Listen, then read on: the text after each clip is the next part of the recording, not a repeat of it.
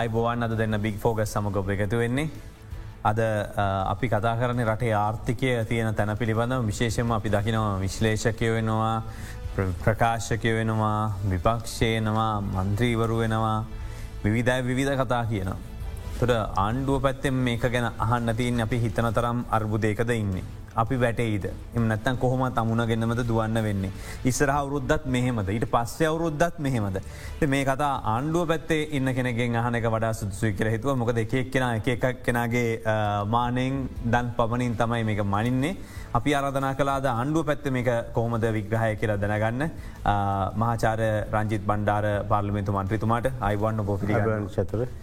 දැන් මේ විදෙස් වත්කම් සම්බන්ධයෙන් ඔබතුමල්ල කිව්වා මහ බැංක අධිපත්තුමාක් බිලියන තුනකට වැඩි වෙනවා කියල විශ්වාසි තියන්න කියරවල තිබ්බා. දැන් ඇවිත් තියෙනවා කෙනෙකත් හරි ඒ ටට පනිඩියුත් නිකුත් කලා අපිත් කිව්වා.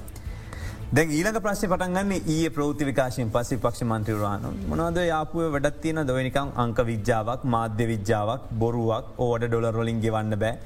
ඕ කිසිම වැඩක් ඇති දේවල් නෙේ බොරුට ගණනක් තියනවා අපිට තුනයි දසම එකක් බිලියන තියෙනවා කියරවෙරලා එක හෙමද. මහිතට පලවෙනිම කාරණය තමයි දැ හුඟක් මාධ්‍ය ඉදිරියට ඇවිල්ලා මේ වගේ තර්ක විතර්ක කරන අය මේ විෂය පිළිබඳ කිසිදු හෝ අවබෝධයක් තියෙනයි නෙවේ. මම දැක්කා ඔබ කීපආකාරයට ඒ එක්තර පල්ලිමිත්තු මන්ත්‍රතුමෙක් අලුත් විදියට ඇඳලා ප්‍රෘති සාකච්ඡාවක් තියමින් තමයි කිවේ මේක අංක විද්‍යාවක් කියල. හැබැයි නිකම් පාර්ලිමෙන්තු මන්ත්‍රීවරයෙක් නෙමේ නෑ වගේම ආර්ථික විද්‍යාව පිළිබඳ ආචාර්යවර එතුමා ගැන නෙමේ මම කියන්නේ. කුරුණෑගල දිස්ත්‍රික්ක පාලිමෙන්ත් මන්ත්‍රතම එක. එතකොට එතුම කිව්වා මේක අංක විද්‍යාවක්. නිසා ඔය තුනයි දස මේක කියන එක අපි පිළිගන්න තැන් රට බංකොලොත් කියලා. ඊළඟට රාත්‍රී ප්‍රවෘත්ති ප්‍රකාශය ඔබ කියන ඔය මන්ත්‍රතුමා ඇවිල්ල කිව්ව මේක මේ යුවාන් වලිංාවේ චීනෙන් විතරයි ඕට බඩු ගන්න පුළුවන් කියලා.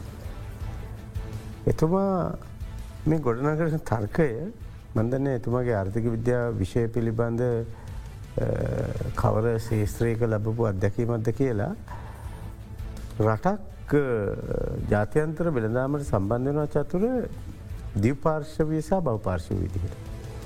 එනිසා මට බාණ්ඩ ආනයනය කරන්න යන බියදම මගේ අතේම තියෙන්න්න ඕන්න හැ. මම ඉන්දියාවෙන් බාණ්ඩ ආනයනය කරනකොට මට ලැබෙන්න්න තියෙනවනම් චීනෙන් මුදලක් ඒ මුදල ඉන්දියාවේ වගකීම ගෙවන්න වත්කමක් විදිට පාවිච්චි කරන්න පුළුවන්කම තියෙන. එතකොට එතුම පැහැදිලිවම දන්නවා මේ සංචිත වැඩිවීමක් සිද්ධ වුණා හැබැයි ඕනකම තියෙනවා නෑ එහෙම වනේ නෑ කියල කියන්න. චතුර විදේශ සංචිතක වූහාම ඉතාම සරල අර්ථ දැක්වීමක් තියෙනවා සරල අර්ථ දැක්වීමට අනුව අප සතු වෙනත් රටවල ඇති වත්කම්. මෙම විවිධාකාරයට තියෙන්න්න පුළුවන්. එතකොට මහබැංකුව ස්වාධීන ආයතනයක් විදිහට කියනවනං මහබාණ්ඩාගාරයේ නැත මුදල්ල මාත්‍යන්සි කියනවන ලංකාවේ විදේශ වත්කම් ප්‍රමාණය බිලියන තුනයි දසම එකයි කියලා ඒක පිළිගන්නවාද එහෙම නැත්තං අර පාරේ ඇවිදිමින් ඉන්න කෙනෙකුට මයික කල්ලලා එයා දෙන උත්තරේ අපි පිළිගන්නවන්න. දෙමං උදේ එනකොට රේඩියුකේ යනවා කොහොමද රටක් දියුණු කරන්න කියලා සාකච්ඡාව. ඒක කතකයක් කියනවා ආකාර තුනකට පුළුවන්. පලවෙනි එක තමයි මානව සම්පත් දෙවනි එක තමයි භෞතික සම්පත් තුන්ගෙන එකමයි තාක්ෂණය. හැබැයි යට කියන්න පුළුවන්කම තිබුන්නෑ කොහොමද මානව සම්පත් පාවිච්චි කරන්න. කොමද භෞතික සම්පත් පාවිච්චි කර. කොමද තාක්ෂණි පාවිච්චි කරන්නකිල්. ඒ නිසා ආණ්ඩුවයි විපක්ෂයයි අතර වෙනස තමයි විපක්ෂය මේ වගේ ප්‍රශ්නයක් ඇරගෙන ප්‍රශ්නය විශ්ලේෂණය කරනවා. ආණ්ඩුව කරන්නේ මේ ප්‍රශ්නය හඳුනගෙන ඒකට උත්තර හොයනවා. දැන් ඔබට මතක ඇති එන්නත් කරන ක්‍රියාවලිය සම්බන්ධයෙන් ගොඩනෙගුණු තර්ක. අපි අද පුතා සතුට වෙන්න නැද්ද රටක් විදිහට අපි සතුට වෙන්න නැද්ද රටක් විදිහට අපි එනත් කරනය තුළින් අපේ කලාපෙත් ලෝකයේ දියුණුයි සංවර්ධතයි කියන රටවල් අතරට එකතු වෙලා තියෙනවා. මේක තම ඇත්ත. එනිසා අද ඒක ෆැෂන් එකක් වෙලා මේ නෙගටිවිටිය එක මාකට් කරන එක. හරද. එතකට මම අහනවා ඇයි මේ නෙගටිවිටිය එක මාකට් කරන්න. පලවෙනි එක තමයි කෙනෙකුට කියන්න පුළුවන් එහෙම කරන්න එහෙම කරපහම තමයි රට ගොඩ නැගෙන්නේ. තව කෙනෙකුට කියන්න පුල නෑනන ඒගොල්ලන් දතකන්නේ බලයට එන්න. තව කෙනෙකුට කියන්න පුල නෑන රජය නිවැරදි මාර්ගයට ගන්න ඕන. හැබැ මට දැනෙනවා මේ තුනම නෙමෙයි මේ සියල්ල සිද්ධ වෙන්නේ කාගේ හරි ඕනෑකමකට. ඒ ඕනෑකම කාගේ ඕනෑකම කියල කියෙන් දැන් හිතන්නකු දැන් මම YouTube චැනල් එකක් කෝපන් කරලා මම වීඩියෝ කලිප් එකක් ගහලා දාන සමාජ මාධ්‍යයට. එතකට කාගේ වුමනාතක මගේ වුමනාව. හරද. ඊළඟට තව කෙනෙක් කියනවා මේ අනි චතුර වගේ වොයිස්ස එක හොඳයි අනි මට මේක ඩබ් කල දෙන්න කියලා. එතකට මං තව කෙනෙක් ගුවමනාවට කරන. ඊළඟට දැන් සමාජ මාධ්‍යයට මේක ආපුහම ඔය මොකද කරන්න.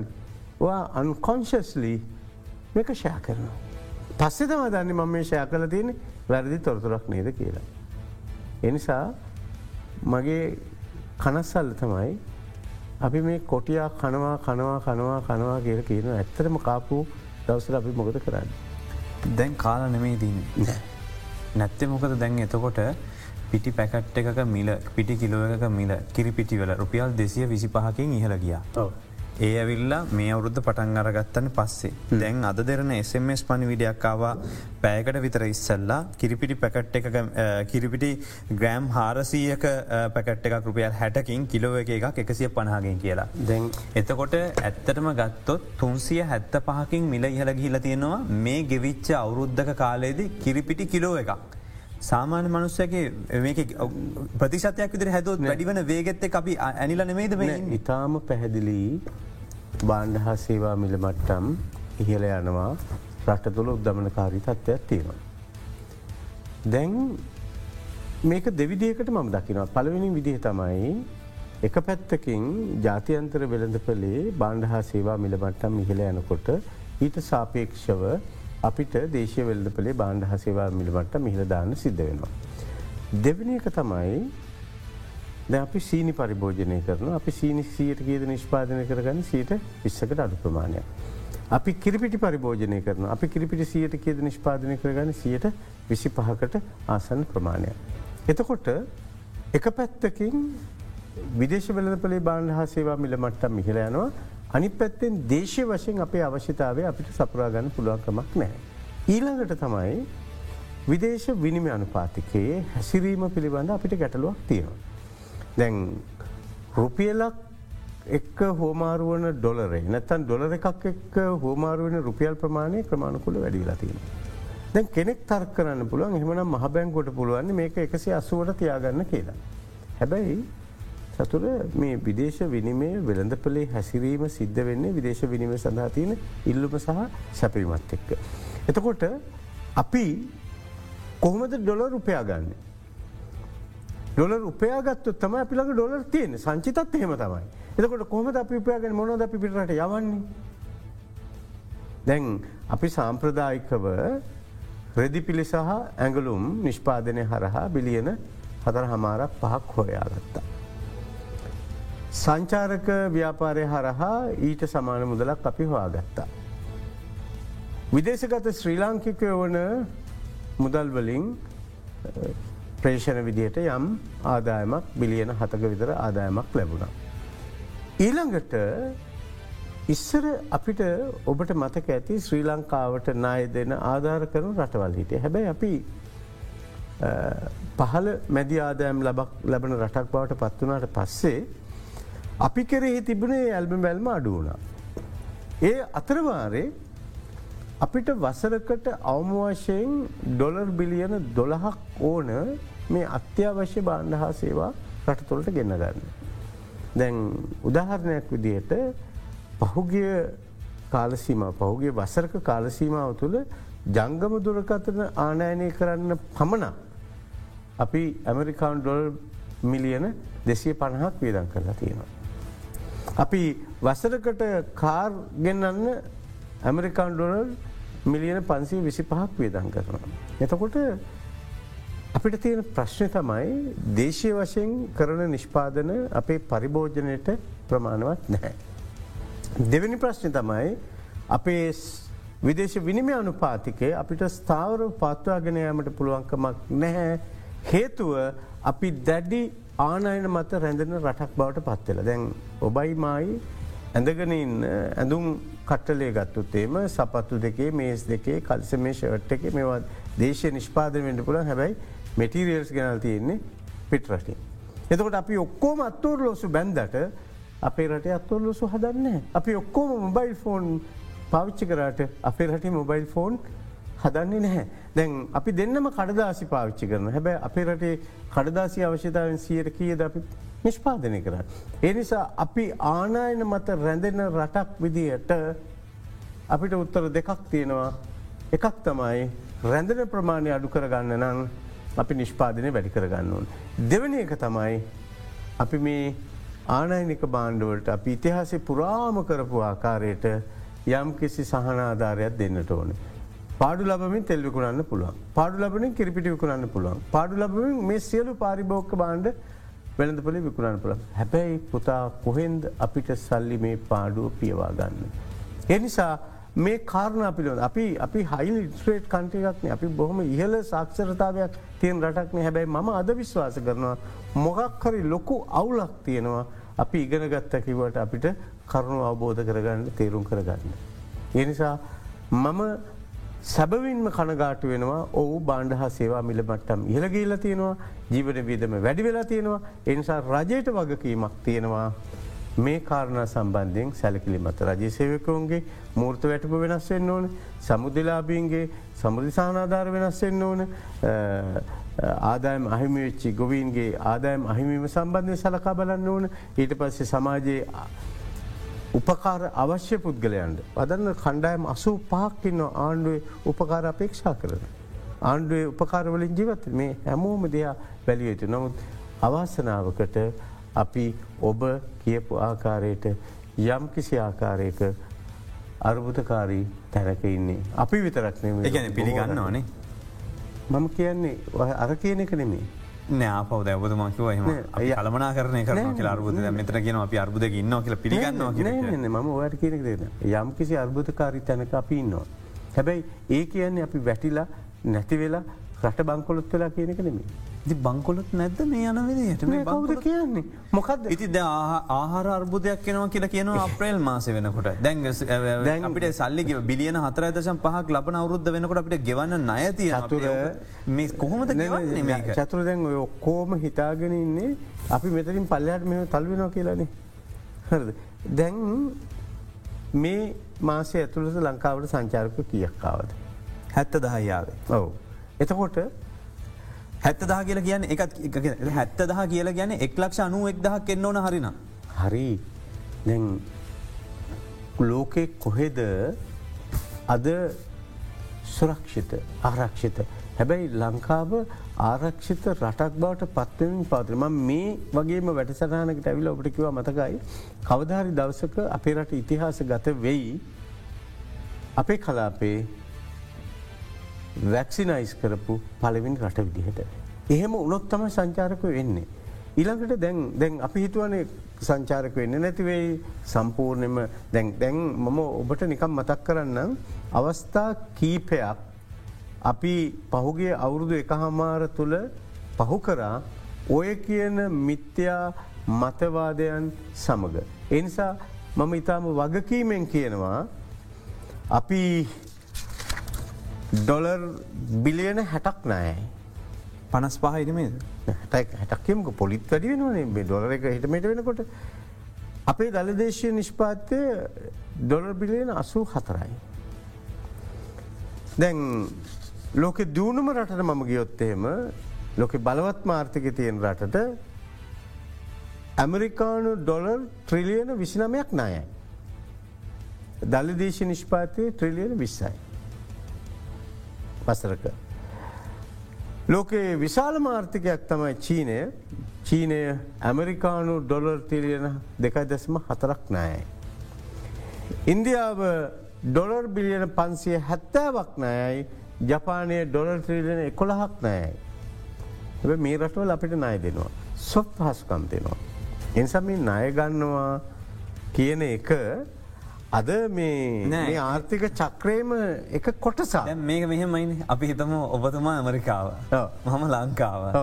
එතට ඔබතුමාන්ට ආදායම් ලැබීම් සහ ඔබතුමාට ලැබිච්ච දේපල මේ ඔක්කොමත් එක්ක ඔබතුමාට නායගන්න පුළුවන් ප්‍රමාණය ලොකුයි. මගේ ආදාය මට ලැබිල තියන් දෙවල් මට තියෙන දේවල් එක්ක මටනාය ගන්න පුළන් ප්‍රමාණය අඩුවයි මං කියන්නේ අප මම ලංකාවන මම අරගෙන මට සිය දහස් ගුණයක නයක්න මෙතන තිය නැහැ නැහැ නැහැ. එහෙම නෙමේ අපේ රටේ රාජ්‍ය ආදායම ගත්තෝත් බදු සහ බදු නෝන විදිහට ලැබෙන ඒවා. දැන් හුගදනෙක් කියනවනේ අපේ රටේ සල්ලිකාරුන් විතරයි බදුගන්න කෙලෙක බොරුණේ වැට් කියන්න මොකක්ද. වැට් කියන්නේ උස්මිටි පහත් හැමෝගෙන්ම අය කරන බද්දක්නේ. අපේ රටේ වක්‍රබද්ධ සියට අසුවක්. හරද එතකොට අපිට තියෙන ප්‍රශ්නයක නෙමේ ශතුර. අපිට තියෙන ප්‍රශ්නය අපි මේ උපේන ආදායම් වලින් සීයට අනු නමයක්ම අපි පාවිච්චි කරන්නේ කිසිදු ආදායමක් අපිට උපයා ගන්න පුළුවන් මාර්ගවල නෙමේ. විශ්‍රාම් වැටුප් ගෙවන්න. රජසයකට වැටුප් ගවන්න. සමුෘද්ධි සහනාධාර ගෙවන්න. නොමිලේ පාසල් පොත් දෙන්න. නොමිලේ සෞඛ්‍ය පහසුකං සපයන්න. මතවටිය එකතු ගන්න හම්බන්තොර වරායවල් හදන්න නිලුම් කුළුණු හදන්න සම්මන්ටන ශාලා හදන්න. මේවට චතුර නැමංගානි වැඩක් නැති. දැන් අපි හම්බන්තර වරායයි මත්තල ගුවන්තුර පලයි ගන්නකු. දැ මේ දෙකම දිගු කාලී නායෝජනන හැබැ ඔබ කියන්න නැද්ද? පහුගේ අවුරුදු හතර හමාර පහක්ක කාලසීම තුළ යහපාල නාණ්ඩුව තිබුණු මේ වගේ කිසිම ප්‍රෝජනයක් ගත්ති නෑන වරාය ආදාය මුත්පාදන ක්‍රියාකාරිත්තක යොදව වෙනුවට මොකද කර විකුල්ල දැම්මන. හරද. එතකොට දැන් විපක්ෂනායකතුමා හම්බන්තට ගිහිල්ල කියනවා එතුමගේ අහන මාධ්‍යවේදයෙක් මේ ඔබතුමාල මොකද කරන්න මත්ත නෑපියක දියුණු කරනවා. එතකොට අහන මේ ඔබතුමාලගේ කාලනේ දර වීගබඩා කරේ කියල එතකොට කියන නෑ ඒ කාලි වීගබඩා කරේ එතුමා දේශපාලික වශයෙන් එතුමාට එතුමා පහල්ත හෙලන්න කියලත්. ඔවු. හැබැයි එතුමා හම්බන්තර දිස්ත්‍රික්කේ නායක එක්සත් ජාතික පසේ නියෝජනායකයා. එතුමා කැබිනට් මන්ඩල ඉද්දිය එක සිද්ධ වුණේ. එතකොට සිද්ධ වනේ මොකක් දන්නවාද මේ කරපු ආයෝජන බලින් අපි ප්‍රෝජනය ගත් දැව නෙලුම් කුල යන කියනවන දැන් දවස් දෙක රිස ජනමාධ්‍යමත්ව මොකද කර කියන්නක නෙලුම් ගුල්ල පාවිච්චි කළ සම්පූර්ණයෙන්ම අපේ පාහනි රූපවාහිනි ඩිජිටල් කරන ඩිජිට කරණය කරා. ඔබ දන්න නෙළුම්ගුල්ල මොකට පාච්චි කරන්න තියෙන කියලා. මේ සංනිවේදන ක්‍රියාවලිය වේගවත් කරන්න. ඇැබ ඒක ගැන කතා කරන්න එතකොට අපිට තියෙන ප්‍රශ්නය ඒක නෙමේ අපිට තියෙන ප්‍රශ්න තමයි අපිට ප්‍රාග්ධන ආයෝජන කිරීම සඳහා ප්‍රමාණවත් ආදායමක් අපි උපය ගන්නේ නැහැතවුණු. එනිසා තමයි අපිට සිද්ධ වෙන්නේ විටිම් විට මේ රටේ අවශ්‍ය කරන ආයෝජන සඳහා මුදල් එලින් ලබාග. නිසා අපි ලබාගත්ත නය හැම එකක්ම ආයෝජන විදියට පාවිච්චි කරතින්. කවදක්වත් චතුර මේ රටේ ඇවිල්ලා විදේශකයෙක් ආයෝජනය කරන්නේ නැහැ. කොළමිදල නුවරට යන්න පැය පහක් ගත වෙනවන. කොළමිදල හම්බන්තොට යන්න පැය හයක් ගත වෙනවන. එනිසා අපිට අත්‍යවශ්‍ය යටිතල පහසුකන් සංවර්ධනය කරගත යුතු තිබුණ. දැන් මේ කැලනී ළඟදිදාපු අර කල්්‍යයාන පිවසුම. ඇති ඒක තිබීම සහ නොතිබීම අතර වෙනස වටහා ගන්න. දැන් දකුණු අධිවේගේ මාර්ගය වෙනකොට මොකද කිව අපේ සමහර දකුණු දිසාවේ මන්ත්‍රතුමල්ලා. අයෝ දැන් හරි ප්‍රශ්නයක් අර ගාලු පාරි මාළු විකුණ අයට මාළු විකුණ ගන්න විදිහක් නෑ ඇඹුල්තියල් විකුණ ගන්න විදිහක් නෑ කියලා හැබැයි ඊට වඩා වේගවත් සංවර්ධනයක් දකුණු දිසාව සිද්ධ වෙනවා. එනිසා මම කියන්නේ අර අර අර මුල්ම කාරණයම තමයි. නැ මමහන්න අයි ඔය වේගවත් කියන මට්ට මේ සංවර්ධනයක් වෙන්න පුළුවන්ද? දැ ඔබතුමාකො මේ වරාය හැදීම? වරාය එනකොට අපිට කියපු කතා තමයි අපිට මේක හොයන අඩුගානේ මේ ඩොල බිලියනයක්ත් හොයන්න පුළුවන්ද කියන ප්‍රශ්න තිනද උදාහරණයක් විදිරගත්තොත් අපි කොළඹ වරාය තමයි හොඳම වරාය බඩ පත්වනේ ලෝක පිළිගන්න වරායවල් බඩ පත්වනේ දැම් මගේ අති තියෙන රිපෝට් එක කරන්ට ඔපරේෂන් එක් ගත්තම කොළඹ. ස්ටිමේට රෙවනිව් එක තමයි දෙදස් දහටේ බිලියන හතලිස් නමයයි. දෙදස් දහනමේ බිලියන පණහයි. දෙදස් විස්ස ගත්තොත් තම එක නෑ අදග. මංහන්නේ ඔහොම ද මේ කියන ගනන්ගේ කඩුගන වන් බිලියන්වත් හදන්න බැරුව අපි බොරුවට කියන හම්මන් තොටින් රට ගොඩ දාන්න පුළුවන් බරය හදල ගොඩ දාන්න ලන් මේ සිහින එක්කෝ බොරු කියනක නවත්තන්න බයි මෙහෙම චතුර. දැන් දැන් කවියෙක් කවිය ලියනකොට කොහොමද ලියන්නේ? කියන්න ස්ත්‍රී වර්ණාවක් කවිතියනවන සුසි වන වන ඉග සුඟ ගත හැක මිටින.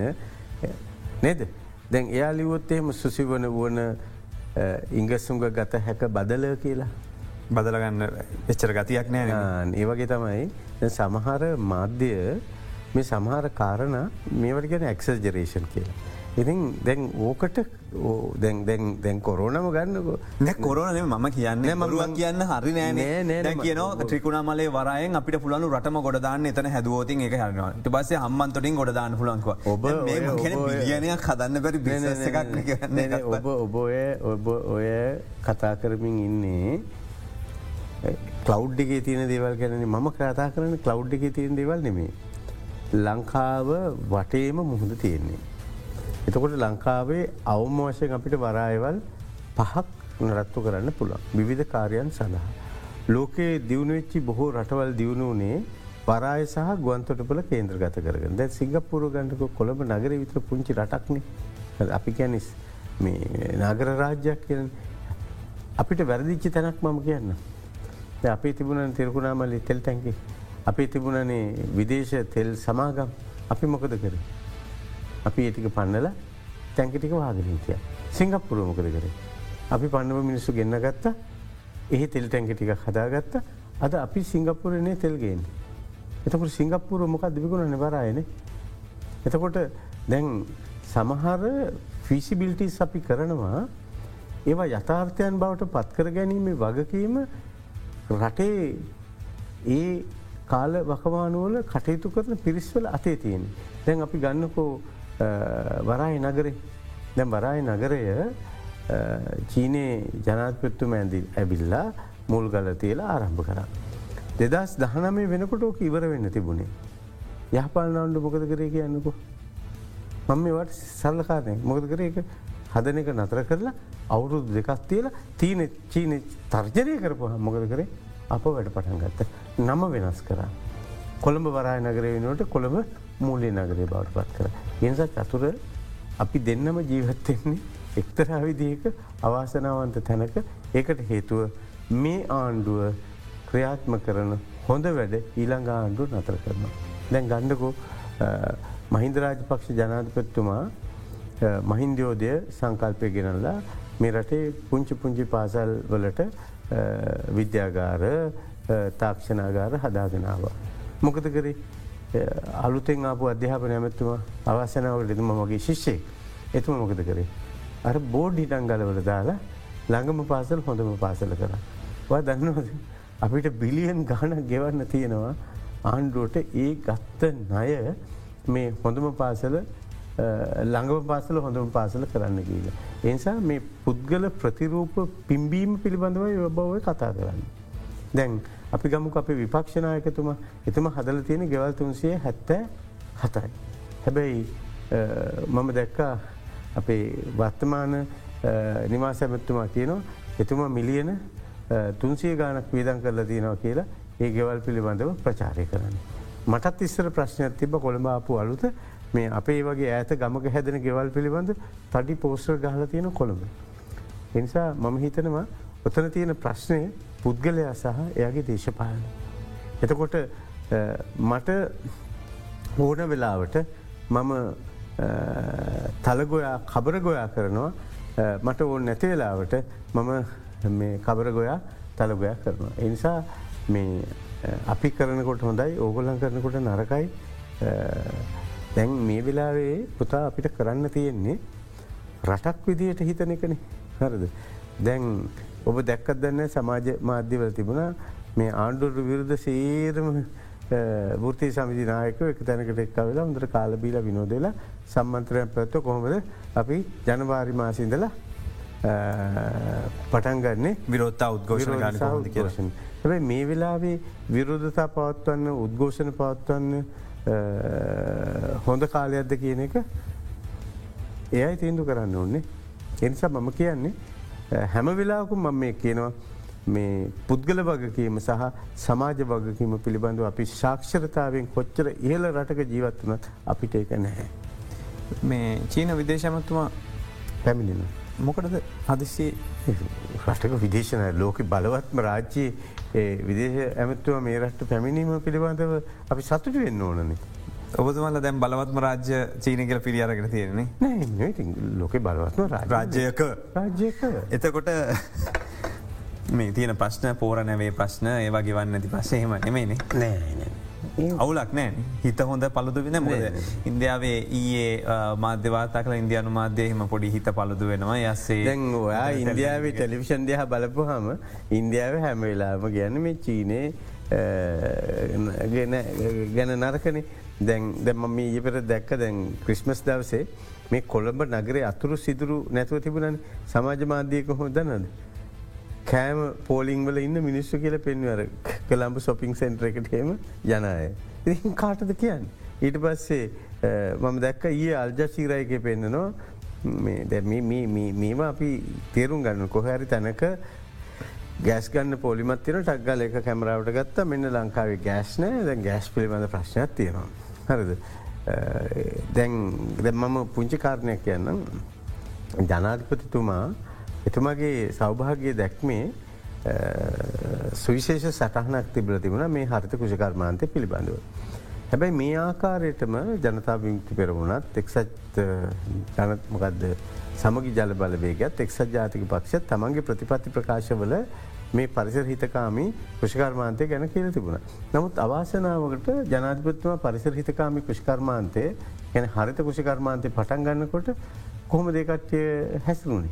දැන් දැන් එතුමගේ අවංක චේතනාව වස විස වලින් තොර ආහාර වෙලක් ලබා දෙනෙක දැන් පොළොන්නරි ලොකුම වකුගඩ රෝහල තියෙනවා. හරද අවංක චේතනාව තිබ්බේ ක්‍රමාණුකූලව කරනවා කියලා. අවංක චේතනාම අද පටන් අරගෙන හිතුවනගේ මගේ පොතේ තිබ කියලා අද කරනවා කියලා තිබෙන න එහෙම එකක් නෙමේ කරන්න ගිය. හැබැයි අවාසනාවකට මොක දුණේ කියන්නකු? පටන් ගන්නකොටම හරිද? අම්බුඩ ගහගත්ත ගොවිතැන් නොකරන බස්සගේ කොළඹට ඇවිල්ලා අඹුඩ ඇඳගත්ත පිරිස් පාරට බැහලකිවා ඔන්න දැන් කැරට්ටලේ මෙච්චරයි. අරමංකේප කුරණයගල මන්ත්‍රතුම. මත මතකයි පුංචි බෝංචි කරලකුයි පුංචි කැරට්ටලයකුයි පුංචි ලීස්කහකු ඇරගෙනාව. හිටපු කුසිකරයමතුමේ ගෙනාවක් කැකිරි. මමනන් දන්න කැකිරිවලට පෝරදා හඳනාගෙන මෙන්න ගෙනල් පෙන්ව මෙන්න කැකිරි දැන් පොහර නැතුව හැදනක. හැබැයි සති දෙක්කට පස්සෙ බලපුහම අර කිලෝභාගක බීත්තල මාකට් එක තියෙන. නිසා මනදන්න වැටයි නේරයි දෙකම ගොයන් කනවනම් කාටද මේක කියන්න අපි කෙට විරාමකට යොම වෙලාන්න මේ අද දෙරන බික්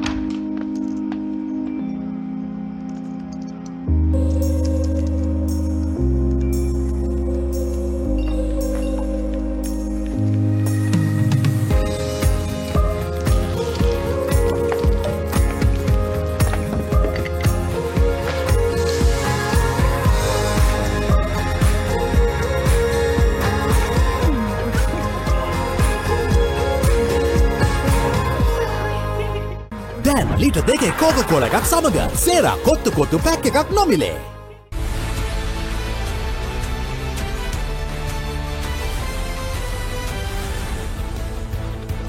ඔයාලි සම්බන්ධ වෙන්නේ අදරන බික් ෆෝකස් සමඟ අපි සාකච්ඡා කරමිනින්නේ මහචාර රංජිත් බණ්ඩාර මන්ත්‍රතුමා සමඟ දැන් ඔබතුමල්ලගේ දැන් රජයක් විශේෂම වැඩ කරදදි හැමෝත් එකම හොඳ හිතින් වැඩ කරන්න පැදැන් අපි දක්කිනවා පහුගේ දවසර මුල්ල ආයතනොලට බැන්න නය ශ්‍රේණිගත කිරීම ආයතනොලට බැන්න තැම් මේ සීසි කරාගිල් වෙල්ලා බැන්න හරි අරියන්නේ නෑ මේ දැනගෙන මේ කරවන්න.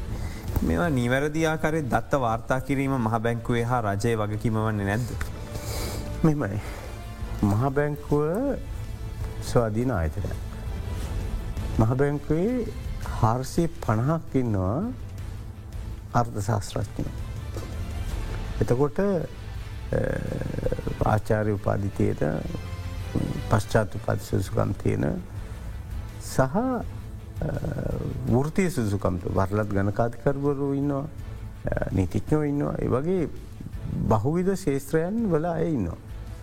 සමහරය විද්‍ය උපාධාරීන් හැබැයි දැ ගපු ගමකු අපි මුදල්ලමත් ඇසලේකම්තුම එතුම කොළඹ විශ්වවිද්‍යාලයේ විද්‍ය උපාධාරය. හැබැයි පශ්චාත්තුපාදයෙන් එය අර්ථ ශාස්ත්‍රය පිළිබඳ හදාරලතින්. එතකොට මෙත්තර විශාල පිරිසක් වැඩ කරන තැනක ඔබ විශ්වාස කරනවාද ඔය කියන සමහර ඒවා මේ කටටාවට කියනේවා කියලා. නෑ එහෙම එකක් නෑ. දැන් මේ ශ්‍රේණිගත කිරණ ආයතන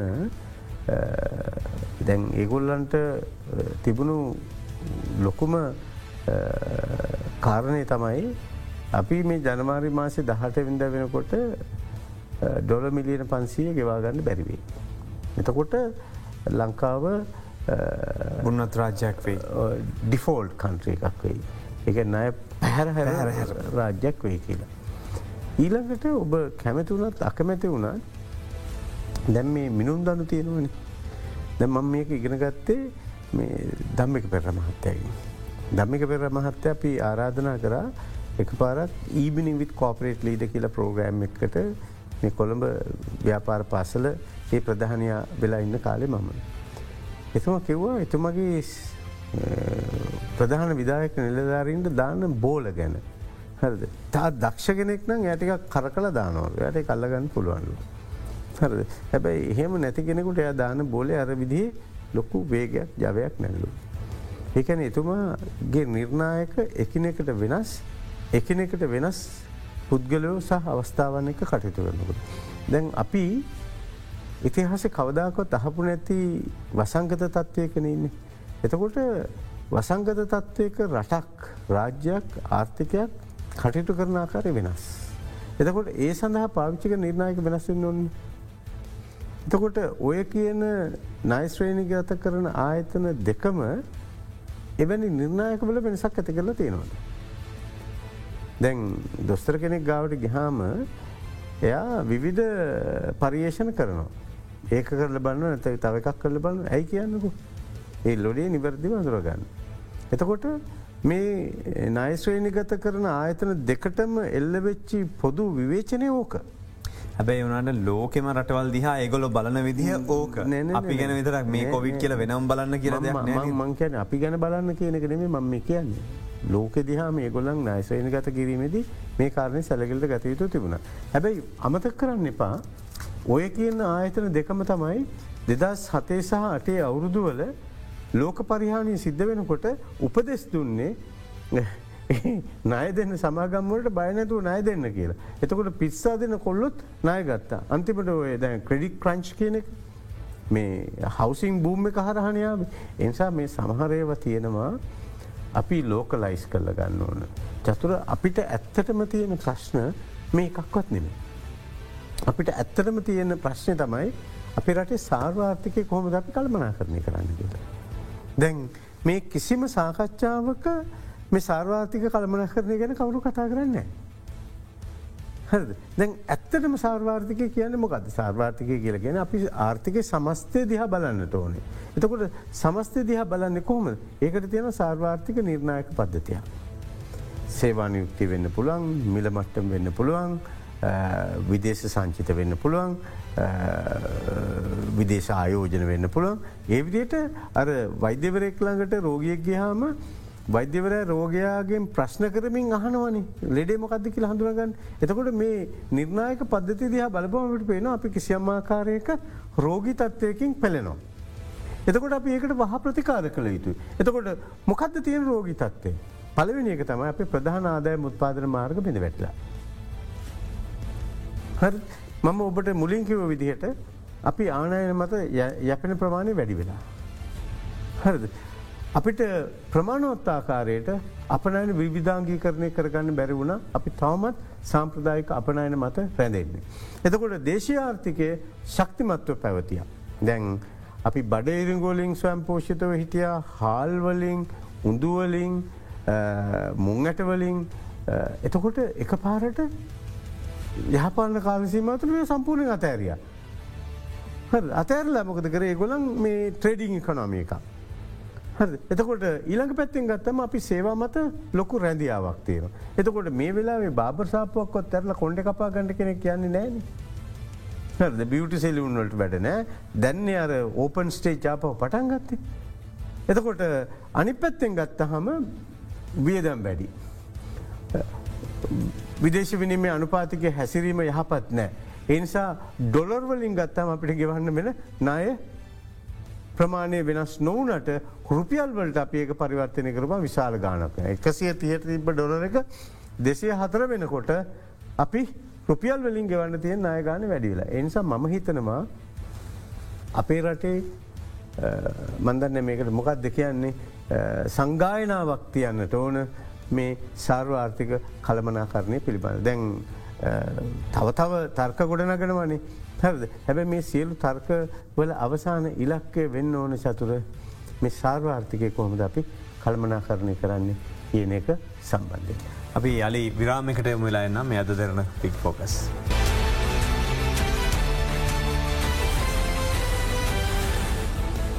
වැලි බික් ෆෝක සමග එකතු වෙන්නේ මාච රංජිත් බණ්ඩාර මන්ත්‍රතුම පත් සමග එකතු වෙන්නේ. දැ ඔබතුමල්ල මේ ඇයි මේ හැම තිස්සෙම බැලුත් ඇත්නම් අපි යන්න නෑ අපි යන්න අයMF යන්න කියලා කියන්න දැන්.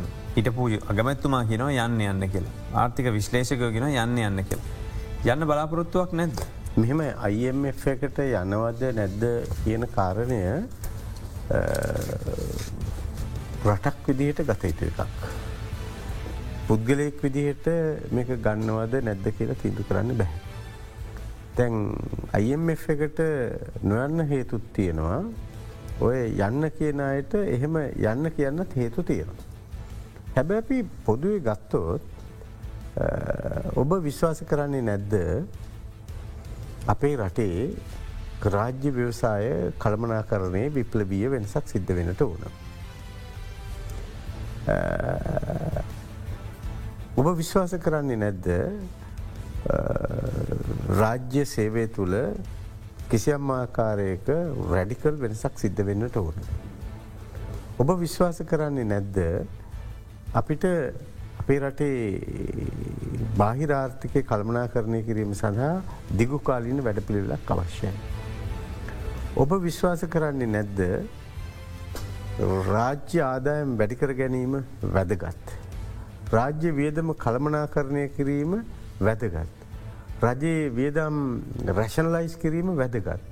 එතකොට මේක IMF එක කිව්වත් බර්ල් බෑංක එක කිව්වත් ඒ කෞද කියන්න කියන කෙන නෙමේ වැදගත්වන්නේ රටක් විදිහට මේවා වැදගත්ද නැද්ද කියලා. එතකොට ලංකාව IMF එකට ගිහිල්ල තියෙන පහුගිය අවුරුදු හැත්ත දෙකට දාසේ පාරක්.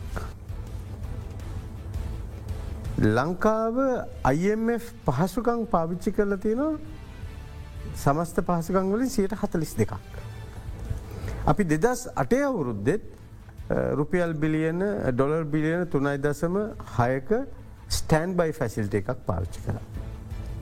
ඊළඟට අපි අමතක් කරන්න නරකයි IMF එකේ සාමාජය රටක් අපි. එතකොට ඒ IMF එක සාමාජික රටවල් වල එකතුවක්නේ. එතකොට සාමාජික රටක් සම්බන්ධයෙන් IMF එකට වගකීමක් තියෙනවා කටයුතු කරන්න. ඒවගේම සාමාජික රටට පුළුවන්කම තියෙනවා ඒගොල්ලන්ගේ කොන්දේසි පිළිගන්නවද ඒගොල්ලන් සලසන වාසිය ලබාගන්නවද ඒ අයග සමග කිසියම් ආකාරයක නෙගෝෂේෂණ එකට යනවදගෙනක තීන්දු කරන්න. නිස මම හිතනවා මේ IMF එකට යනවද නැද්ද කියන එක ගැන කතා කරනවට වඩා වැදගත් වෙන්නේ මේ IMF එක කියනවයි කියන යෝජනා පිළිබඳව. IMF එක අපිට කරන්නයි කියලා කියන දේවල් පිළිබඳව ටිකක් විවෘත මනසකින් හොල බලන්නට ඕන. දැන් විවෘත මනසකින් දැ ශ්‍රී ලංකරනක විකුණන්න කියලා කිවොත්. දැ මෙමනි එතකොට නැන ශ්‍රී ලංකරන එක විකුණන්න කියනවට විකුණනවද නැද්ද කියනවට වඩා ශ්‍රී ලංකරන එක ඔහොම පවත්තාගෙන යෑම මගින් ඇපිතුවේ ඇතිවෙන බලපෑම පිළිබඳ අපි සාකච්ඡාවක් කරන්නේ.